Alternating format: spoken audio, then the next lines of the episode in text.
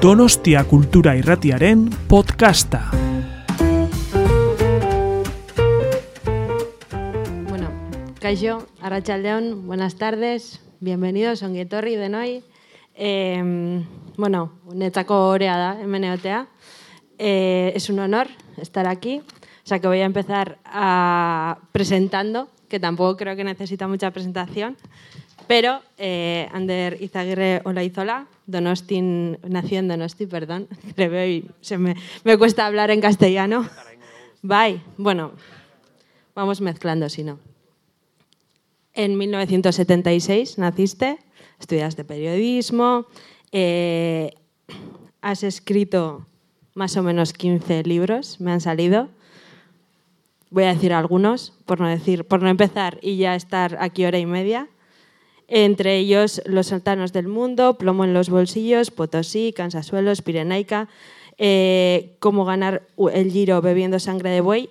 Eh, te voy a avisar que esta no está en tu página Wikipedia, que igual hay que decir a alguien que lo actualice, ahora ya con la de hoy también.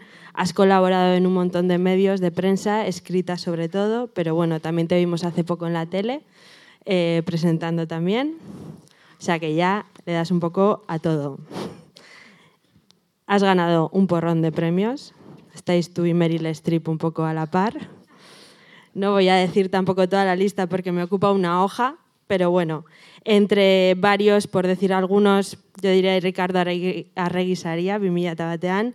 Eh, tienes desde el Premio Marca del 2004, eh, Premio Joven de la Universidad de Complutense en el 2011, eh, Premio Euskadi de Literatura en 2017, Barcatu, y eh, el último, el premio Kapuczynski, que te dieron en mayo de este año.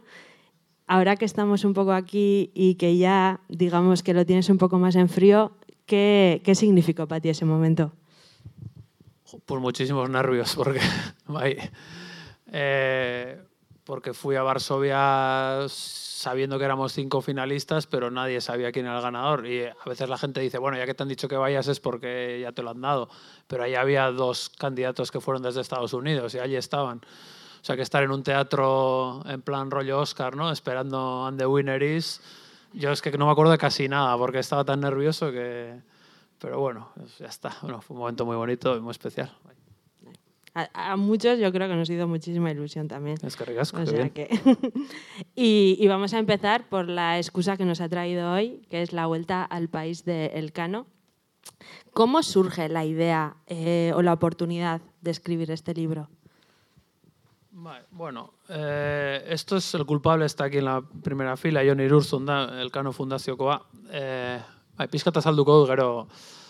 Bai, nik benetan... Eh, eskerrak eman nahi dizkiot Elkano Fundazioari proposamena izan zelako niretzat jo ezin egokiagoa. Osea, uste dut fundazioak urte hauetan oso modu egokian planteatu duela Elkanoren inguruko bueno, gaiak eta nola landu. No se trata de hacer un nuevo pedestal para el nuevo héroe, para el Elcano heroico y tal, sino hoy en día bueno, lo que se busca es joder, pues, pizkat, debatir, eh, ezagutza zabaldu, eh, debateak sortu, E, bueno, eta nik ikusi nuen fundazioaren irizpide hori asko gustatu zitzaidan, ez? Bueno, hemen nahi dugu salsa pizkat, ez? Eta pentsamentu kritikoa eta bueltak eman gauzei. Bueltak eman gauzei hori hasieratik egonda eta izenburuan ere badago. Por algo se llama Vuelta al País del Cano. Es una vuelta en bici, pero es darle la vuelta a bastantes cosas. Eh, ese era el, el objetivo, ¿no? Orduan, eh, bueno, ba, jonek proposatu zidan liburu bat, Eta ointxe esaten nion Leni, ahí en el camerino, pues es testigo que le he dicho, mira, joder, es que no se pueden mecenas mejor, que te dice, mira, te, te, ayudamos a hacer esto, económicamente ya es lo que te dé la gana, pero realmente lo que te dé la gana en todo momento, hasta, vamos, sin, y yo hice lo que me dio la gana, lo cual es un gran placer, ¿no? Que, en fin. E, iaz egin genuen bizikleta bidai bat, getaritik abiatuta, e, bederatzi egunez, e, oso talde majo batekin, hemen daude Garbin Mendizabal, Jon Irurtzun bera, Josu Iztueta, Naila Jornet, que la visto que está por ahí, eh, Anemiren Miralles, eh, y yo, ¿no? Ya dicho seis, bai, ez? Bai. E, bederatzi eguneko bidaia izan zen, e, bueno, pizkat liburu honen aria da, ibilbide hori Euskal Herrian zehar, e, Euskal Herri barneko mundu bira deitu zioten, eta idea hori ere oso nahi iruditu zitzaidan. Vamos a la vuelta al mundo sin salir de Euskal Herri, era un poco la idea, ¿no? Pero vamos a la vuelta al mundo, ¿no? Orduan, bueno, hori izan zen proposamena. Gauza bat argitu nahi dut. Eh, hay una peli de Werner Herzog que se llama Encuentros en el fin del mundo, me parece, en la Antártida, me gusta muchísimo esa peli. Y el propio Herzog al principio de la peli dice que le proponen ese proyecto y que él dice, esto no va a ser otra película sobre pingüinos, ¿no? que es la condición que pone. Yo no voy a hacer otra película sobre pingüinos. Yo con este libro pensé, esto no va a ser otro libro sobre el cano, que ya hay un montón, y muy buenos, y bueno, habrá de todo, buenos, malos y regulares, pero hay mucho, ¿no? Lo que pasa que en la peli de Herzog al final hay pingüinos. La escena más memorable, la que yo recuerdo, es la de un pingüino suicida. O si no habéis visto la película, podéis buscar la escena en YouTube. El pingüino suicida de Herzog es impresionante y yo lo que más recuerdo de esa peli es un pingüino. Y en este libro está el cano. Al final está, se ha colado. El cano es el telón de fondo. Eh, yo no quiero ni contar la primera vuelta al mundo, ni debatir, ni estudiar la figura del cano, eso no me corresponde a mí, hay expertos haciéndolo, pero sí que lo he usado como telón de fondo en el que van desfilando las historias que vamos encontrando por el camino, los personajes, los temas que ahora hablaremos, ¿no? de, cuál era la idea del libro. Pero eso, el cano está ahí muy constante, muy presente, pero como un telón de fondo. No es un libro sobre el cano, no es un libro sobre la primera vuelta al mundo, pero es, es la excusa. Tienes eh, un trabajo impresionante de documentación, de datos, de, historias. Eh, ¿Cuánto se tarda y cómo se puede llegar a ordenar todo eso? No sé si lo he conseguido, porque no, eh, hay muchas historias en este libro. Yo me lo pasé muy bien y a la vez lo pasé un poco mal porque creo que quise hacer demasiadas cosas y no quería bueno, me fui encontrando tesoros, de verdad yo lo viví con mucho entusiasmo este trabajo. O sea, hicimos el viaje, conocimos a ciertas personas, ciertos temas, ahora iremos desgranando si os parece. Y yo veía, joder, qué historia, esto lo tengo que contar, no lo puedo dejar. Y yo, joder, pero que ya voy justo de tiempo. Y venga, pero siguiente. Y al final fue un trabajo de mucho tiempo. Una cosa es el viaje que hicimos, que para mí fue un poco empezar a ver el, el escenario y luego fue mucho tiempo de muchas visitas, entrevistas, encuentros. Yo hice ese viaje y luego hice muchos pequeños viajes. Oye, tengo que coger el tren a Bayona porque he quedado con Icharo Borda, que me va a hablar de los judíos y el chocolate. O tengo que ir a Legazpi a, ver el, el, Antoqui de Chillida. O tengo que ir a Salinas de Añana. Y bueno, pues. Al final me ha gustado porque yo he trabajado aquí, en mi, en mi tierra, en mi país, como he trabajado muchas veces en muy lejos de aquí, ¿no? Y ha sido una inmersión y un descubrimiento y una diversión. Yo me divertí mucho y he conocido gente maravillosa que va apareciendo por el libro. Pero no has dicho cuánto tardaste. Ya, es que no sé muy bien cuándo empecé, cuándo, bueno, cuándo acabé, sí, corriendo, en finales de mayo, junio, el viaje fue en octubre, yo ya había empezado, fue un año de trabajo y ahora que lo pienso es poco, o sea, ha sido un año muy... Sí, hacer este libro en un año me ha apretado un poco las tuercas. La verdad es que lo hice un poco... Pero bueno, en fin. No, en fin, así salió. No, no, está muy bien y de hecho eh, una de las cosas que más me ha gustado es cómo vas hilando todo de, de, capítulo en capítulo. Al final hay como historias unitarias y luego que se van entrelazando entre ellas, temas que vas tocando en muchas eh, historias en muchos capítulos diferentes. Em, me parece que has tomado también este libro, lo que has dicho tú, para darle una vuelta, sabiéndolo desde el principio, sabiendo que toca un poco reescribir la historia eh, que se ha romantizado mucho. Del 1 al 10, los vascos, ¿cuánto, cuántos, nos, ¿cuánto nos han romantizado, cuánto nos hemos romantizado a nosotros mismos?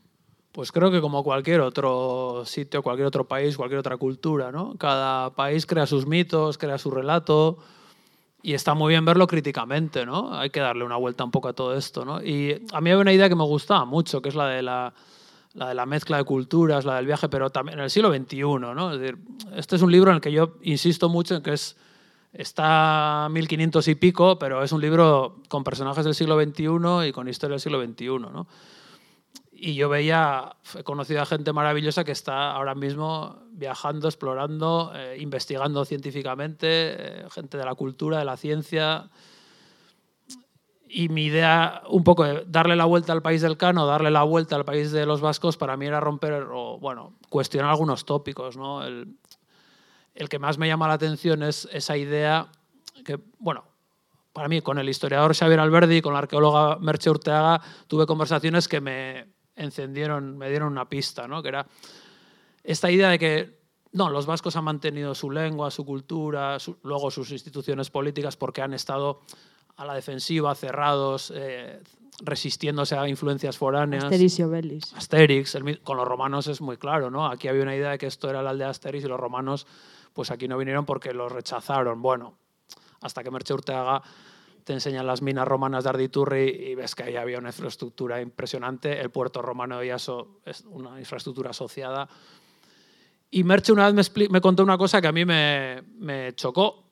Decía, si hace dos mil años aquellos pues, vascos o lo que fueran mantuvieron su cultura, su lengua, tal y cual, no fue porque se resistieron, sino porque se integraron muy bien, ¿no? Y participaron en ese imperio otros muchos pueblos fueron aplastados y exterminados, o en fin, su cultura se borró. Y te vas dando cuenta que a lo largo de la historia los vascos han participado en todas las dinámicas de la historia. No es un pueblo fuera de la historia, ni muchísimo menos. Y las aventuras ya de esta época del Renacimiento, después de la Edad Media, que empiezan a explorar, a participar en viajes transoceánicos, son aventuras, joder, pues tremendas para contar. Son eh, a veces admirables, otras veces son muy negras, oscuras, eh, violentas, por supuesto. O sea, hay que contar la historia lo mejor que se pueda, pero sin ocultar, o sea, sin maquillarla, ¿no? Y, y, a partir de esa idea que, bueno, que ya parece un poco obvia, pero todavía ves mural, yo veo murales aquí cerca en los que pintan a los vascos rechazando a los romanos, ¿no? Y bueno, una idea un poco de Asteris que no... Mira, voy a contar, lo que más me gusta es contar historias, pequeñas historias, para que se vea el ejemplo, ¿no? Eh, fui a Ondarro a entrevistar a Musa Tior, que es un senegalés, que fue el, pues probablemente el primer africano que vino en el año 90, 91 a trabajar en la flota pesquera vasca, ¿no? En la flota de Ondarroa, que no conseguían llenar los barcos con trabajadores y empezaron a venir los africanos en, el año 90. Y él decía, oye, aquí la flota pesquera salió en parte porque vinimos de Senegal. Él tiene un discurso muy interesante. Él decía, en el, pueblo nos ha cogido fenomenal. Es un ejemplo que, en fin, optimista, ¿no? Había racismo en el puerto, los que, los que daban el trabajo, pero no en el pueblo, ¿no? Es muy interesante esto, pero bueno, no me voy a alargar. Y yo estaba hablando con el que creía que era el primer africano, en fin, en la costa vasca y tal, y a la vez yo estaba con la historia de, la guetaria de la Purdi, no la guetaria de Guipúzcoa, donde hay unas cetáreas, que son unos cubículos de piedra donde los romanos preparaban la pasta de pescado y hacían esas salsas, el garum y tal.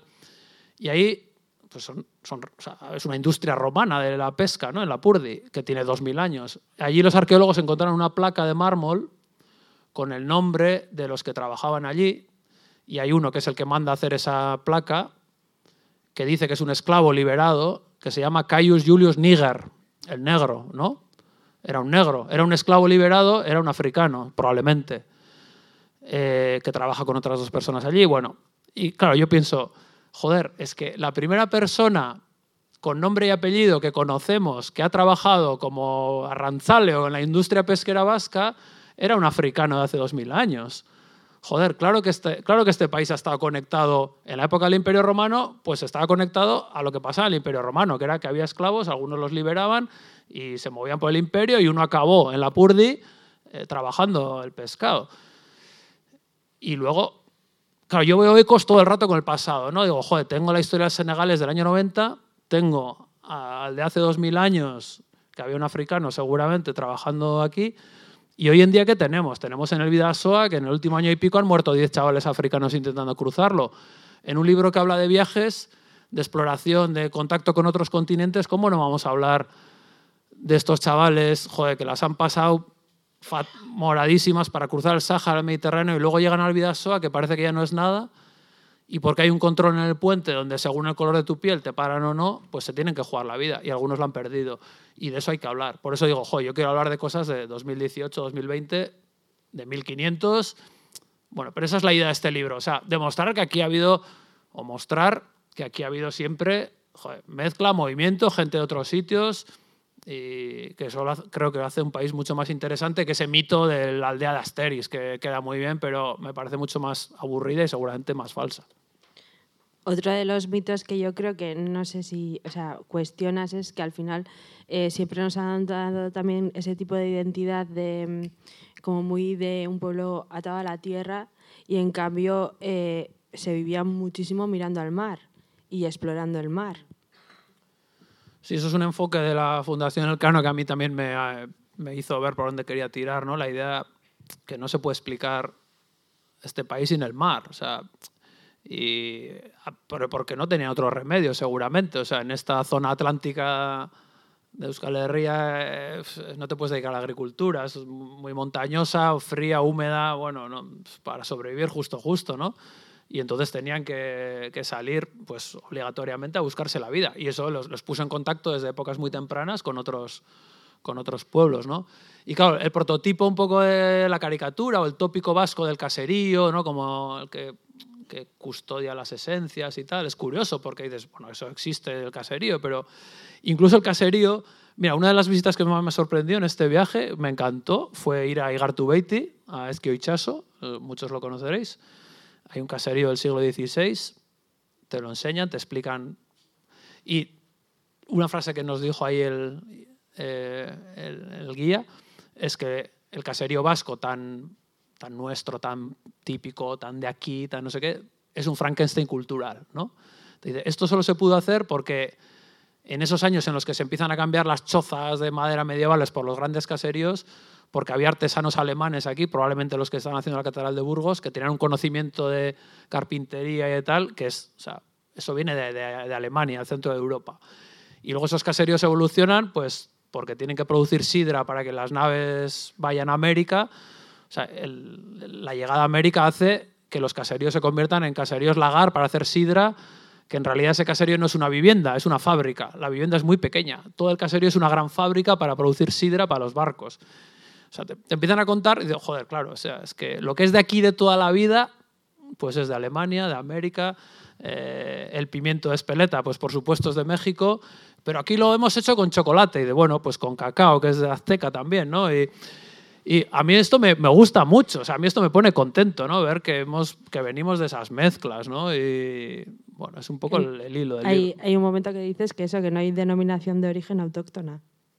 Bueno, a ver, entiendo eso desde el punto de vista del pimiento, pero... Las babarrunas de Tolosa, bueno, el pues, tomate de Deusto, creo que también. Sí, eso ya lo sabemos, ¿no? Pero yo qué sé, o sea, todo, todo lo que es de aquí ha venido de fuera.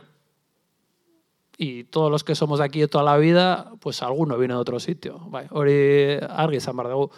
Hori adibidez, begira, itxaro bordaren atala, joder, niri cariño handia diot, ze itxaro bordarekin hasi genuen esplorazio bat baionan, judutarren historia kontatzeko, peninsulatik e, egotzitako, kanporatutako juduak nola baionan instalatu ziren, eta berai ez daukaten Amerikako komertzia kakaoarekin, eta haiek hasi ziren Frantzian kakaoa zabaltzen. Eta hori orain dela gutxi arte ez, da horrela kontatu. Baina judutarrak bizi ziren baionan kanpokaldean, ibaiaren bestaldean, eh, Sante Esprit auzoan. Darun itxarok badauka, jo, alako ikerketa bat, a ber, bertakoak eta kanpokoak. Baina kanpokoak, ostra, eske orain dela lareun bosteun urte bizi dira hemen, osea, bertakoa dira. Baina guk orain kanpokoak bezala jotzen ditugu. Eta itxarok eraman ninduen bera jaio zen ingurura, eta nazten daia mundu oksitanoa, eta judutarrak, eta... Eta nik ikusten duzu, Baionan bere auzoan orain pues, Pakistani batean bazkaldu genuen, Pakistaniek zaukaten laburua handi bat, laburua da, jode, pues, eske da, Asiako esbastikaren bersio bat. Osea, eh, e, Pakistani horiek argazki bat zeukaten jantzita baionako festetako jantzi hain tipiko, hain baske horrekin, ez? Osea, eta Real Madrideko kamiseta bat. Real Madrideko kamiseta batekin zegoen ume bat argazki horretan, osea, pues ya está, pues eske hori dago, eta hori onartu behar dugu, gero eta gehiago gure mundua dela, osea, baionako biztanleak horiek dira, e, ondarruko biztanleen portzentaje handi bat, e, beltzak dira, ondar, ondarrun jaiotakoa, konezkero, osea, hori nahiko obioa da esaten ari naizena, baina batzutan igual gogoratu behar da, ez? Eta gero dago kontrako bidaia egiten bai, beste detaile bate bai e, aipatzen dezuna, e, hau da askotan ze ilusio egiten digun e, Euskal Abizenak e, topatzea kirolari handietan, igual Latinoamerikati datozen kirolaritan eta hola, eta igual ez dela zerbait hori hartu beharko genukena, ez? Bai, eso lo aprendí en Colombia. Me estaba haciendo ahí un reportaje de unos años de un tema bastante complicado, de, violencia sexual en, dentro del conflicto de Colombia y tal.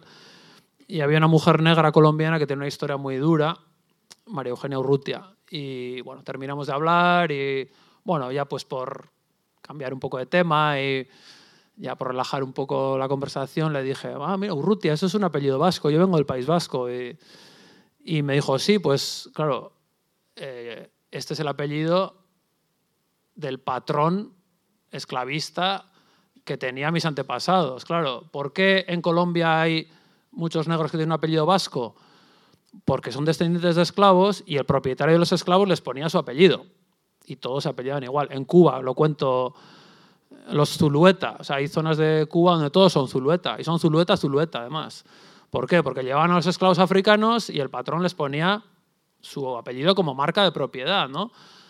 Entonces, claro, yo a veces veía ese orgullo de, joder, mira, se podría hacer una selección de fútbol, ¿no? Con Mojica, no sé qué, todos apellidos vascos. Y dices, joder, no sé si es una cosa para estar orgullosa o para contar de dónde viene esto, ¿no? O sea... Por lo menos reflexionar un poco. Sí, esto, a ver, que no hay, yo creo que no, no es tampoco, o sea, nosotros no tenemos que flagelar ni hacer aspavientos, pero sí conocer la historia y decir, bueno, si ese apellido se ha extendido es por algo. Bueno, sin ir más lejos, una historia de las que más me sorprendió, claro, yo, yo me he sorprendido mucho haciendo este libro, he descubierto cosas que tenía delante de los ojos todo el rato, el propio Amech Arzallus, con el que he hablado mucho con este libro, lo, tenía delante de los ojos, por ejemplo, en Endaya está el barrio de Belchenía, ¿no? En, y cerca de, de Don Iván Eloizune, de San Juan de Luz, hay una casa preciosa que se llama Belcenia, donde si vais a Airbnb os podéis alojar allí. Es una casa de lujo, cuesta mucho, pero podéis ir ahí. Tiene creo que caballos y unos campos y tal. Ah, Belcenia, Belcenia, Belcenia, la casa de los negros.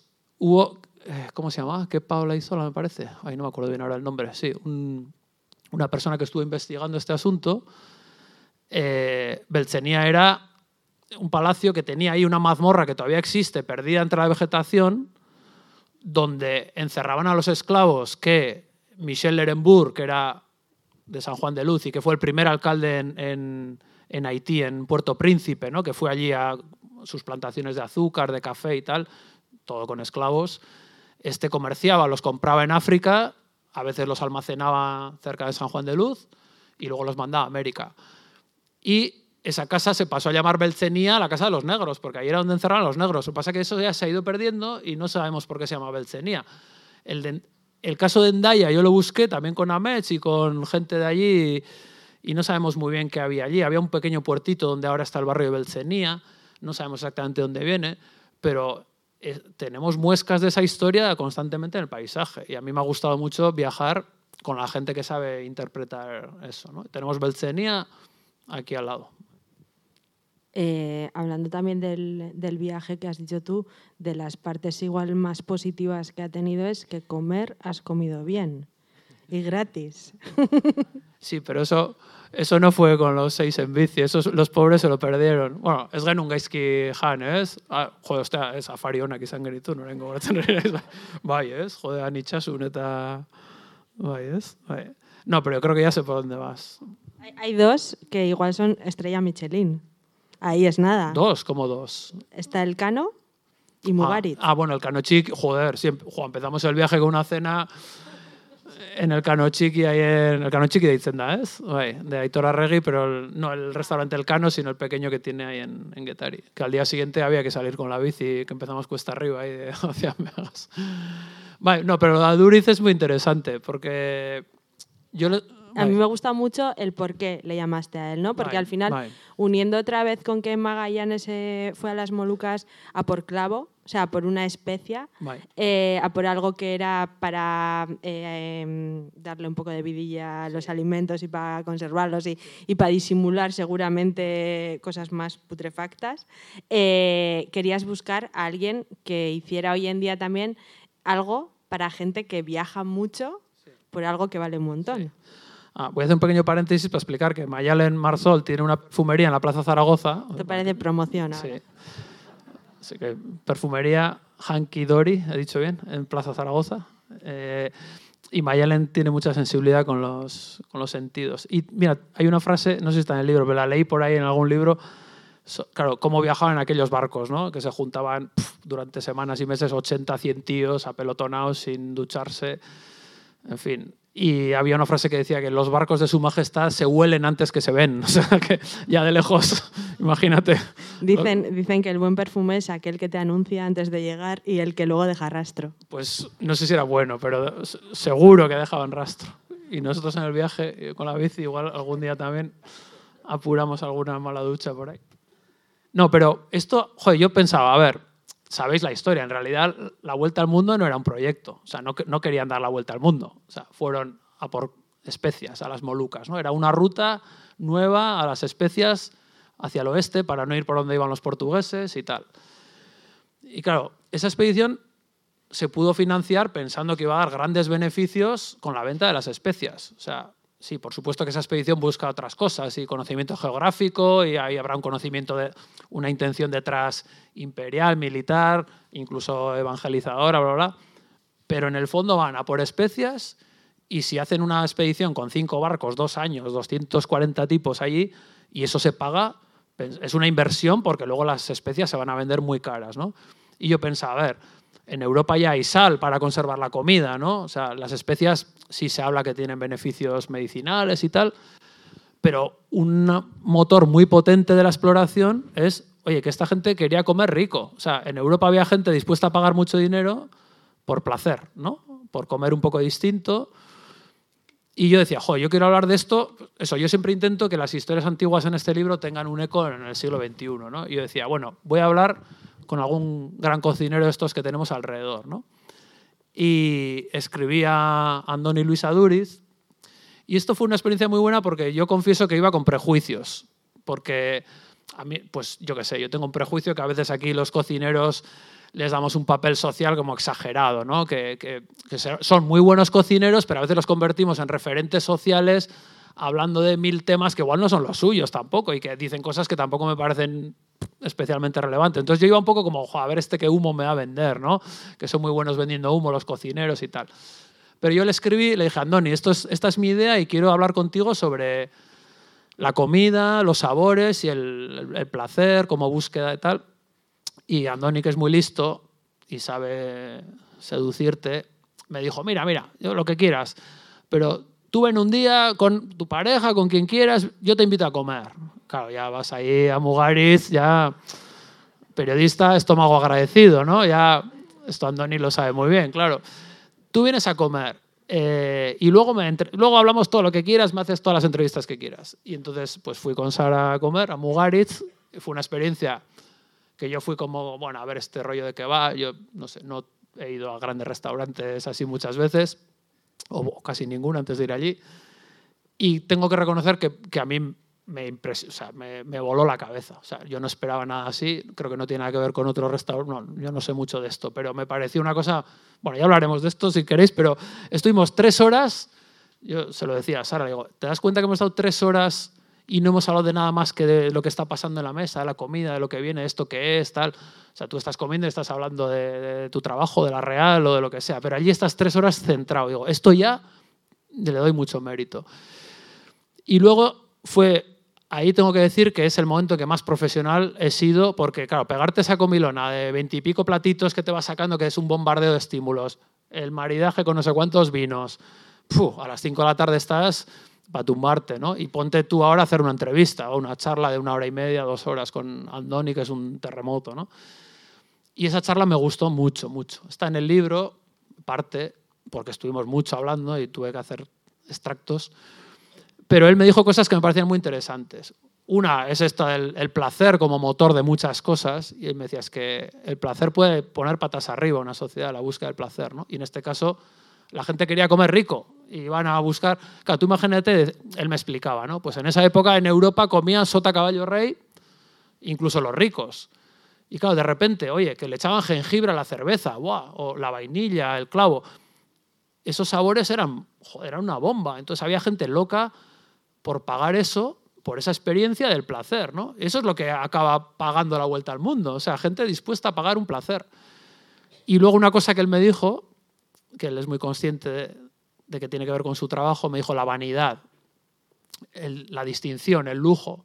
Yo como algo que los demás no pueden comer porque yo soy rico, ¿no? Eh, los coches de lujo no importa el precio, o sea, la gente no quiere que le rebajen el precio, quiere presumir de algo caro, ¿no? Y Andoni me decía, yo sé que mucha gente viene a mi restaurante para decir que ha comido aquí, para, para, es un signo de distinción social. Y en aquella época también, o sea, la gente quería pagar eh, pues por comer y decir pues que él había comido allí. ¿no? Entonces, claro, ves que el placer y la vanidad son motores que que pusieron en marcha la vuelta al mundo. Luego está la geografía, el imperio, la religión, pero el placer y la vanidad también, ¿no? ¿Me dejas contar otra anécdota que me ha venido a mí ahora? Claro. que, no sé, el pachuli, ¿tú sabes qué es? Más o menos. es un arbusto de Indonesia. Y el pachuli también se trajo, eh, se traía en las sedas naturales para que no se pudriera la seda natural por el olor eh, para, para, que los bichos no, no comieran las sedas. Y luego esas telas, que eran, claro, sedas naturales carísimas de, de un alto standing total, eh, se quedan impregnadas con ese olor. Entonces, al final, la fama del pachuli lo cogió porque era símbolo de estatus. Que estamos hablando de lo mismo otra vez, de, tú luces eh, telas o olores o comidas y, eso también, al final, pura vanidad. Incluso, yo le planteaba unas preguntas a Andoni y yo veía que se dejaba preguntar y le decía, oye, pero esto, claro, en un mundo en el que hay pues una pregunta típica, ¿no? Es ético, yo qué sé, que la gente se gaste nos gastemos un dineral en esto, ¿no? Cada uno en lo suyo, porque uno siempre ve lo de los demás, ¿no? Wow, ¿cómo te puedes gastar tanto dinero en una botella de vino? Pero igual te has gastado el doble en una bicicleta, ¿no? Cada uno ve y le decía, pero tú qué opinas? Que esto de la alta cocina solo se lo puede permitir muy poca gente, ¿no? ¿Tú cómo vives esto, no? Eh, es un lujo, porque... Y él decía, bueno, que hay momentos en la historia, o decía, mira, el Renacimiento, pues esos grandes artistas, pues la mayoría de la gente viviría en la miseria, pero había gente con pasta que, bueno, exploraba, investigaba en el arte, la ciencia, y de ahí pues vienen aportaciones, ¿no? Hay un ejemplo, bueno, pues con la ciencia, ¿no? bueno, no lo voy a contar todo, pero bueno, cosas que en un momento parecen eh, derroches, ¿no? Oye, ¿por qué está la NASA mandando un cohete a no sé dónde cuando hay gente muriéndose de hambre, ¿no? De, bueno, pues igual esa investigación, igual se desarrollan no sé qué satélites que van a ayudar a que la agricultura sea mejor. Bueno, eh, en fin, hay un debate ahí. Pero a mí me, me, lo que me gusta es que muchas veces me han cambiado las ideas sobre la marcha, ¿no? Y yo pensaba, joder, esto al final, lo de la gastronomía esta está guay, yo he venido aquí, hemos comido fenomenal, pero esto es un capricho de ricos que yo me he podido permitir que mucha gente, bueno, a mí porque me han invitado. Claro, yo no pagué, ¿eh? Yo no pagué. No, eso lo digo para que quede claro que la pelota, o si, si a Duri sale ahí bien, igual también es porque me invitó, ¿eh? O sea, hay que, periodista estómago agradecido, pero yo lo cuento por lo menos, ¿no? Eh, ¿Qué iba a decir de esto con el lujo? Ah, sí, sí. Claro, yo tenía ese punto de vista que esto era un lujo un poco superfluo, yo seguía creyendo en eso. Pero luego en ese mismo capítulo yo hablo de las salinas de Añana, que es una historia muy especial. Y las salinas de Añana, que llevan 7.000 años funcionando, los arqueólogos han visto que hace 7.000 años estaban explotando esas salinas, a finales del siglo XX estaba a punto de desaparecer. Y quedaban uno o dos salineros. Edor Taloma es el, el que sale en el libro, que hablo con él. Él tenía conciencia de ser el último de un oficio que llevaba siglos y milenios y que con él se iba a acabar. Ya las salinas se iban al garete, no, no eran rentables, nadie quería trabajar allí, se estaban arruinando. Él se metió alcalde, bueno, hay toda una historia y consiguen sacar adelante las salinas de Añana. Y ahora están, bueno, aparte de visitas turísticas, producen sal y la gente compra sal. Claro, esa sal no puede competir con las salinas industriales, ¿no? Se producen grandes cantidades, la sal es muy barata. Tú vas al súper y tienes un paquete de sal, no sé, no sé cuánto cuesta, 30 céntimos, 40, es que echamos poca en casa y no compramos un kilo cada tres años. Pero la sal de añana vale pues igual 30, 40 veces más. Y, si las salinas de añana siguen funcionando y sigue habiendo gente trabajando en ese oficio y con esa maravilla de historia, es porque hay gente dispuesta a ese lujo. En vez de comprar la sal del súper, compra la sal que cuesta 30 veces más. Que hasta yo, que soy un patán gastronómico, noto la diferencia. O sea, sé que estoy pagando algo muy bueno. Pero dices, ostras, es que aquí en este caso ese lujo es el que permite que haya gente trabajando. Entonces, yo a veces veo contradicciones o ideas que yo pensaba que eran de una cosa y luego me hacen dudar, ¿no? Es un poco la, la idea del libro es que bueno que haga dudar un poco, ¿no? O que cuestionar un poco algunas cosas. Sí. Sí, que te mueva, que te... Y eso lo consigue, ¿eh? más de una vez además.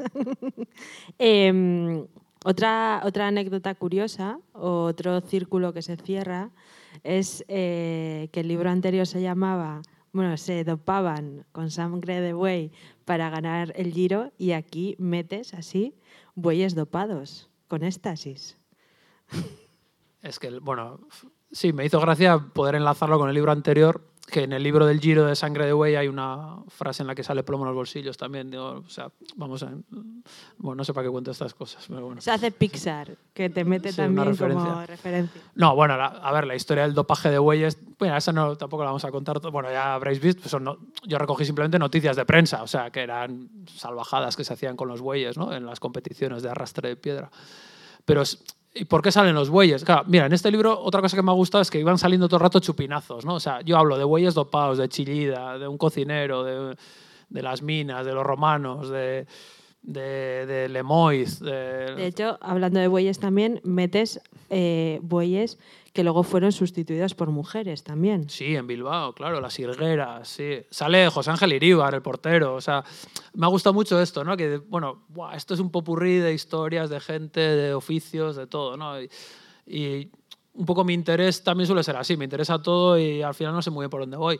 Pero claro, no me puedo... Por eso se lee 400 páginas, porque llegamos a Itziar en aquel viaje y nos explican, claro, en Itziar, lo conocéis, está el santuario, que tiene tela también la historia del santuario y las ermitas y tal, bueno, no, en fin.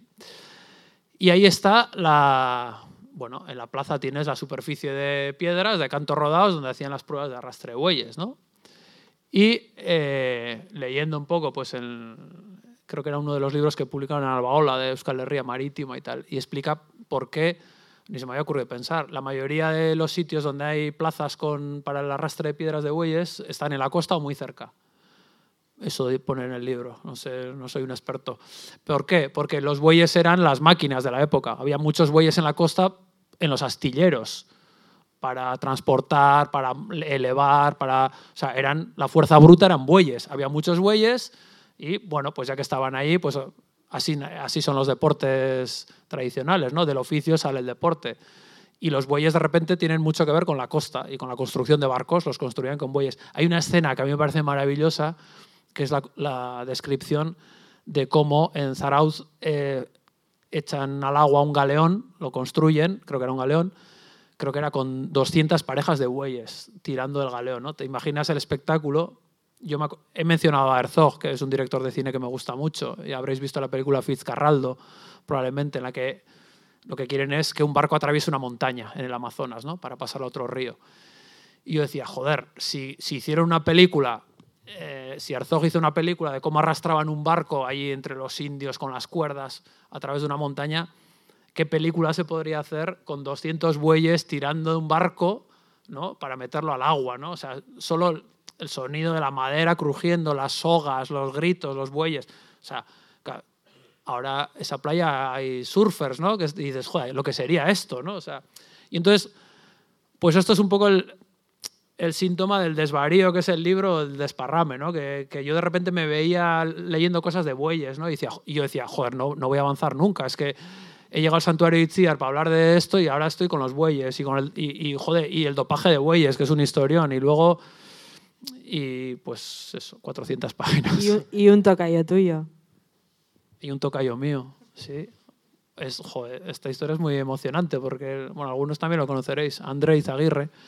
Si habéis visto la película de Óscar Alegría en Macuaquía, eh, la casa de Macuaquía, yo lo conocía entonces. Eh, en Vidarte hay una calle André Izaguirre. Eh, allí vivía este hombre, Andrés Aguirre, que era un señor, eh, bueno, una familia pescadora y tal, y en la, guerra, en la Segunda Guerra Mundial lo, lo detuvieron y lo mandaron a un campo de concentración alemán, nazi, y estuvo un año allí, en Sachsenhausen. Está hecha aún por aquí, por cierto. ¿Está gustando su historia hoy? Andrés Aguirre Es, va, gusta tu cosa, tú. Pues André eh, lo mandaron al campo de Sachsenhausen y él mandaba cartas a casa, les dejaban cartearse pero había una censura, ¿no? entonces no podían escribir, en fin, pero eh, podía, él intentaba mandar mensajes o pedir cosas. Y entonces, ¿cómo lo hacía? Pues él escribía en francés, pero cuando escribía la dirección, en el nombre de la casa, en vez de poner el nombre verdadero de la casa, ponía casa goce día, casa mucha hambre, ¿no? O sea, entonces para decir a su casa que estaban, para decir a sus familiares que estaban pasando hambre. Hay otra carta, estas cartas salen en la peli de Oscar Alegría, eh, casa, mesón, era, en francés, mesón goseandía, mesón egorri gasna, mandad queso, ¿no? O sea, no sé por qué, igual el queso es que dejaban pasar un paquete, no sé, pero él utilizaba ese, el euskera como código para, para pedir. Entonces, claro, esto está en Vidarte, está en la costa, es un pescador, y yo lo utilizo para hablar de los idiomas, tanto en durante la primera vuelta al mundo, de, bueno, sí, hay temas muy interesantes con los idiomas en la primera vuelta al mundo, ¿no? De cómo, bueno, pues cuando llegan a las Molucas, pues bueno, en, esa expedición hay lusoparlantes, hispanoparlantes y hay vascoparlantes, y bueno, y otros idiomas seguramente también. Y eh, cuando, años después, cuando llegan otras expediciones, ven que la gente local, que hay un príncipe o el hijo de un príncipe, no recuerdo bien quién, que presume de hablar eh, portugués, castellano y vizcaíno, ¿no? O sea que, bueno, pues que sí, de repente había, se hablaba de euskera 1500 y pico, aunque sea de manera simbólica allí. Bueno, ya veis, o sea... De hecho, eh, ahora que has mencionado las Molucas otra vez, eh, podemos aquí dar una primicia de que igual la primera que dio la vuelta al mundo fue una mujer y no fue el Cano. Bueno, eso yo lo... Sí, eh, eso hay varios autores que lo han mencionado como posibilidad. Bueno, siempre se habla del esclavo Enrique, que era eh, un esclavo que tenía Magallanes, que ese probablemente sí que, o casi seguro que sí que dio la vuelta al mundo, porque Magallanes, antes de esta vuelta al mundo, pues estuvo en las expediciones portuguesas a la India, hacia el este, casi llegó a las Molucas y volvió con un esclavo. O sea, lo trajo de, creo que era un esclavo malayo, y lo trae a Portugal. Se lo lleva a la primera vuelta al mundo, lo usan de intérprete, y cuando llegan otra vez hacia, hacia, esa zona del mundo, el esclavo Enrique ya se da cuenta que hablan su idioma. O sea, ha vuelto ¿eh? ha hecho la vuelta al mundo en dos partes, ¿no? O sea que Enrique probablemente fue el primero que realmente dio la vuelta al mundo. Y hay algún autor, que ahora mismo no recuerdo el nombre, porque tengo un potaje de alguno me ayudara, era Santa María, me parece, que habla de, no me acuerdo, que habla de esta historia de que hay ciertos autores que mencionan que Magallanes tenía otro esclavo que en realidad era, bueno, esclavo acompañante, que era una mujer. Que probablemente si, si es así, probablemente luego fue un poco disimulada porque no quedaba bien en el papel de Magallanes como evangelizador, eh, el que llevó el catolicismo a las Filipinas, o sea, ese héroe imperial de la cristiandad tan inmaculado no podía tener algo que probablemente era una esclava sexual. Y sí que creo que hay alguna mención en alguno de esos primeros textos, de los que luego ya no se habla más, en los que dice que alguien que hizo de intérprete era una esclava de Magallanes. Entonces, se dice que pudo ser. Yo no, esto lo apunto sin tener mucha idea. Aquí veo que hay gente que seguro que sabe más que yo.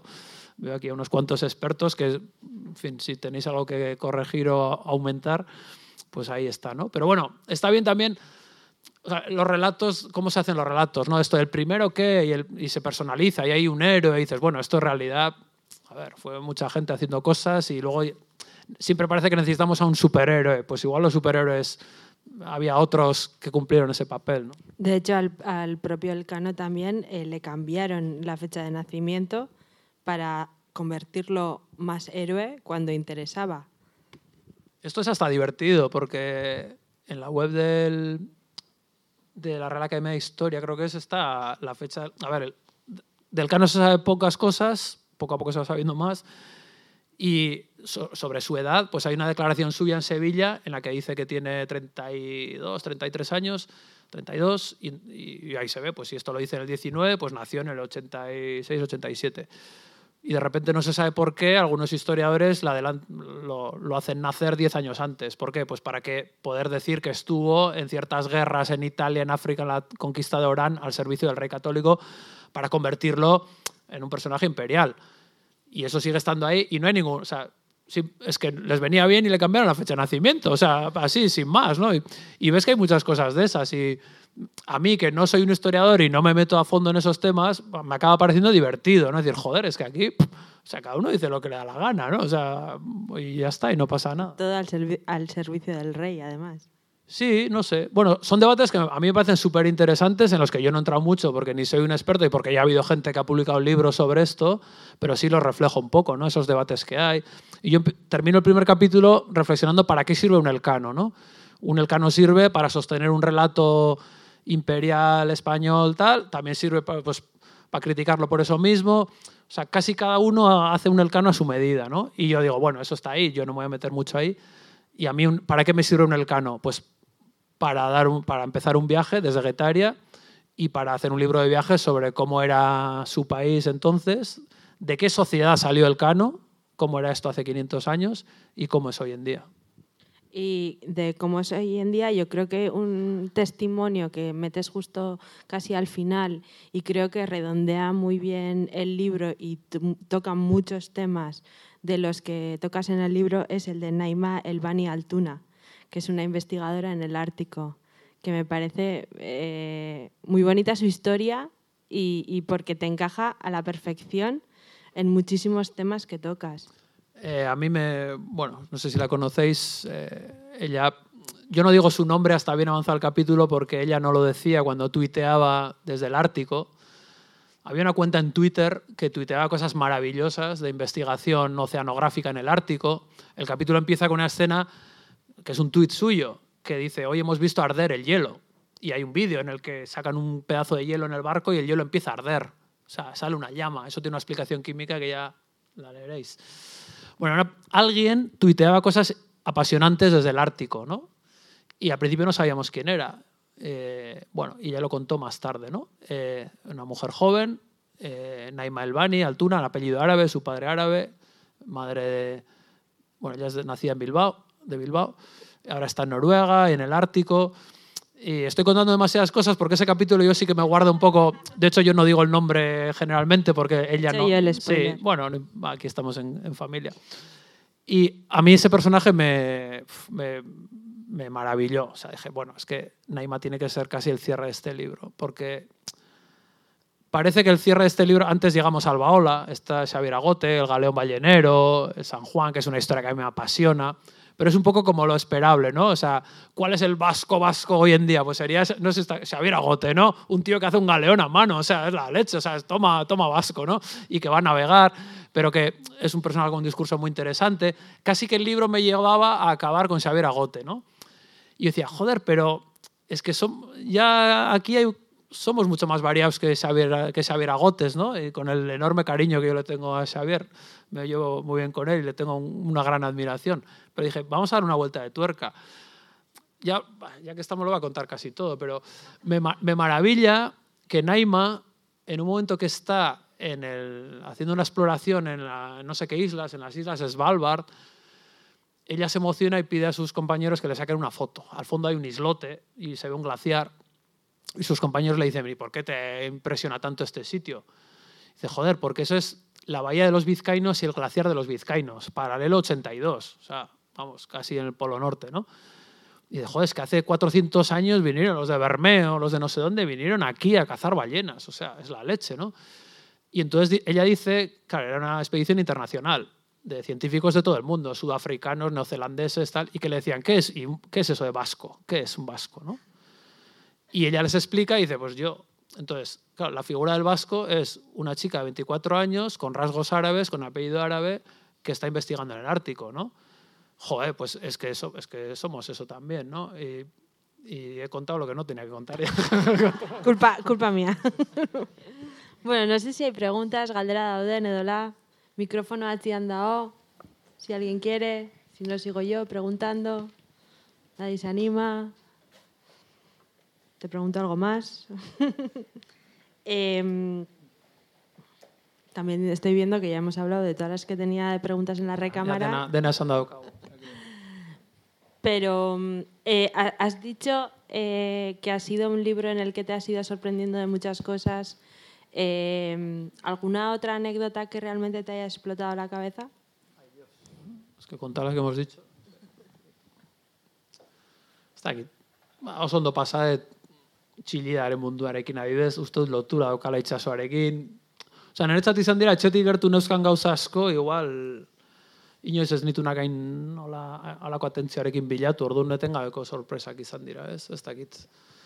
Iratiko kontuak, oiek landutan euskan batzuk, ban, jode, iratin bertan basoan jaiotako jendia, Michel Astiri da, bueno, itxasuko personaje bat, beraita bost urtez bizi izan zena basoan sartuta, ba, gerra ondoren etzuela, etzelako ausartzen handik ateratzen, gero San Pierre Mikelonera joan zena, osea, hor, ba, berriz ere basoa, itxasoa, bakailaoa, San Pierre Mikelon, eh, bere maztea, Bretañatik etorri dena hain gurea den espeletako piperra promozionatzera, ba, Bretañako emakume batek hartu zuen lan hori, berriz eren asketa hori, bueno, ez dakit. Baina, bueno, hemen badaude gurekin bidai egindako batzuk, eta igual zuek ere izango ez zerbait kontatzeko, edo gogoratzeko, edo jon, edo garbine, jozu, nahi lan, ez dakit, zerbait dauka zuen hola esateko, gogoratzeko.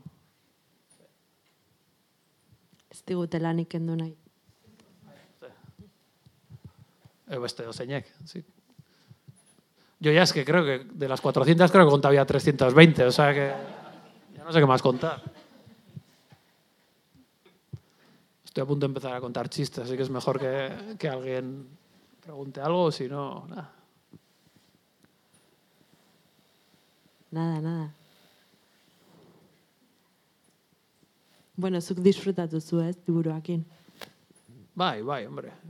Bidaiarekin ere bai, eta, bueno, hori, lehen esan dudana, ba, es- eskatu di dokumentazio lana, eta, baina batez ere, jo hori, e, gure ingura interpretatzen dakien jendearekin ibiltzen eretza da plazera handia, ez? Eta, bueno, aipatu ditut Mertxe Boteaga, edo Itxaro Borda, edo Xavier Armendari, submarinista, ba, berak, jo, e, itxasorekin lotutako sinismenei buruz asko daki, eta ermitak esplikatzen zizkigun, kostaldeko ermitak, eta ostra, ja ez genituen berdin ulertzen, ja, ez? Osea, De hecho, dago esaldi bat eh, asko gozatu ziana, era de hemos perdido a los dioses eh, marinos. Eh, Eso lo dice Xavier Armendariz, que pues otro, otro rasgo de que aquí se cuidó mucho la parte cultural, histórica, folclórica de tierra adentro, ¿no? del campo, del mundo rural, de la mitología que recogió Barandiarán. Y Xavier Armendariz dice, joder, aquí hay una, hubo una riqueza, ahí quedan rasgos de una riqueza... O sea, a mí me flipa que las vírgenes protectoras del mar, la Virgen de Begoña, tuviera una media luna que era la misma media luna que llevaba la Isis pelágica de Egipto, que era, joder, que los romanos la traen, que Venus, que no sé qué. O sea, esas cosas a mí me flipan, ¿no? Y eso se ha perdido mucho. Y Xavier Armendari dice, hemos perdido, la, hemos perdido los dioses marinos vascos. Y yo empiezo el siguiente capítulo diciendo que he conocido al, al último dios marino vasco, que me subí a la gabarra en Bilbao con Iríbar. O sea, que estamos donde estamos, en Anoeta, pero para mí eso fue, fue un encuentro muy curioso, ¿no? Es que a Iríbar, esto de verdad, que es que, que nuestros primos de Bilbao como son, cuando, no sé, si- cuan- la gabarra estaba abandonada, olvidada en Santurcio, dejada en, bueno, ahí sin uso, ¿no? En un, ¿por qué no la usaban, Mayale? No, no, no, no. no, no la sacaron ni con las Ah, chicas. bueno, bueno, eso. no, no quería ser malvado. Bueno, eh, en un momento deciden restaurarla y llevarla al Museo Marítimo y eh, organizan una especie de procesión o de, bueno, un pequeño acto, vamos a llevar la gabarra, de, creo que era Santurci, al Museo Marítimo. Y llevan la gabarra con Iríbar allí, ¿no? O sea, es, es- digo, joder, es, es la procesión de la, is- de la diosa Isis, o sea, sí, o sea, es una gabarra en la que va Iríbar, que es Dios con todo merecimiento en Bilbao y, casi hasta aquí, yo le tengo mucha admiración a Iríbar, por supuesto. Y lo, llevaban por la ría y la gente lo veneraba, ¿no? Y decía, es, es que esto es el penúltimo dios marino vasco, o sea, es, es Iríbar, ¿no? Y Iríbar, yo me, eh, yo me subí con él a la gabarra, él estaba allí y, y yo antes de subir le dije, José Ángel, ni realekoa naiz. Y dijo, bueno, errespetuz etortzen bazara, ongi etorria zara. Un señor, un señor, eh, Iríbar. Bueno, pues si no hay más preguntas así, igual ahora, si no le ponemos a firmar ahora a Ander, ya que hemos terminado con el fútbol en Anoeta y, y es un, un buen final. Bueno, Ander, zorionak, nire partetik. Eskerrik asko maialen eta eskerrik asko denoi.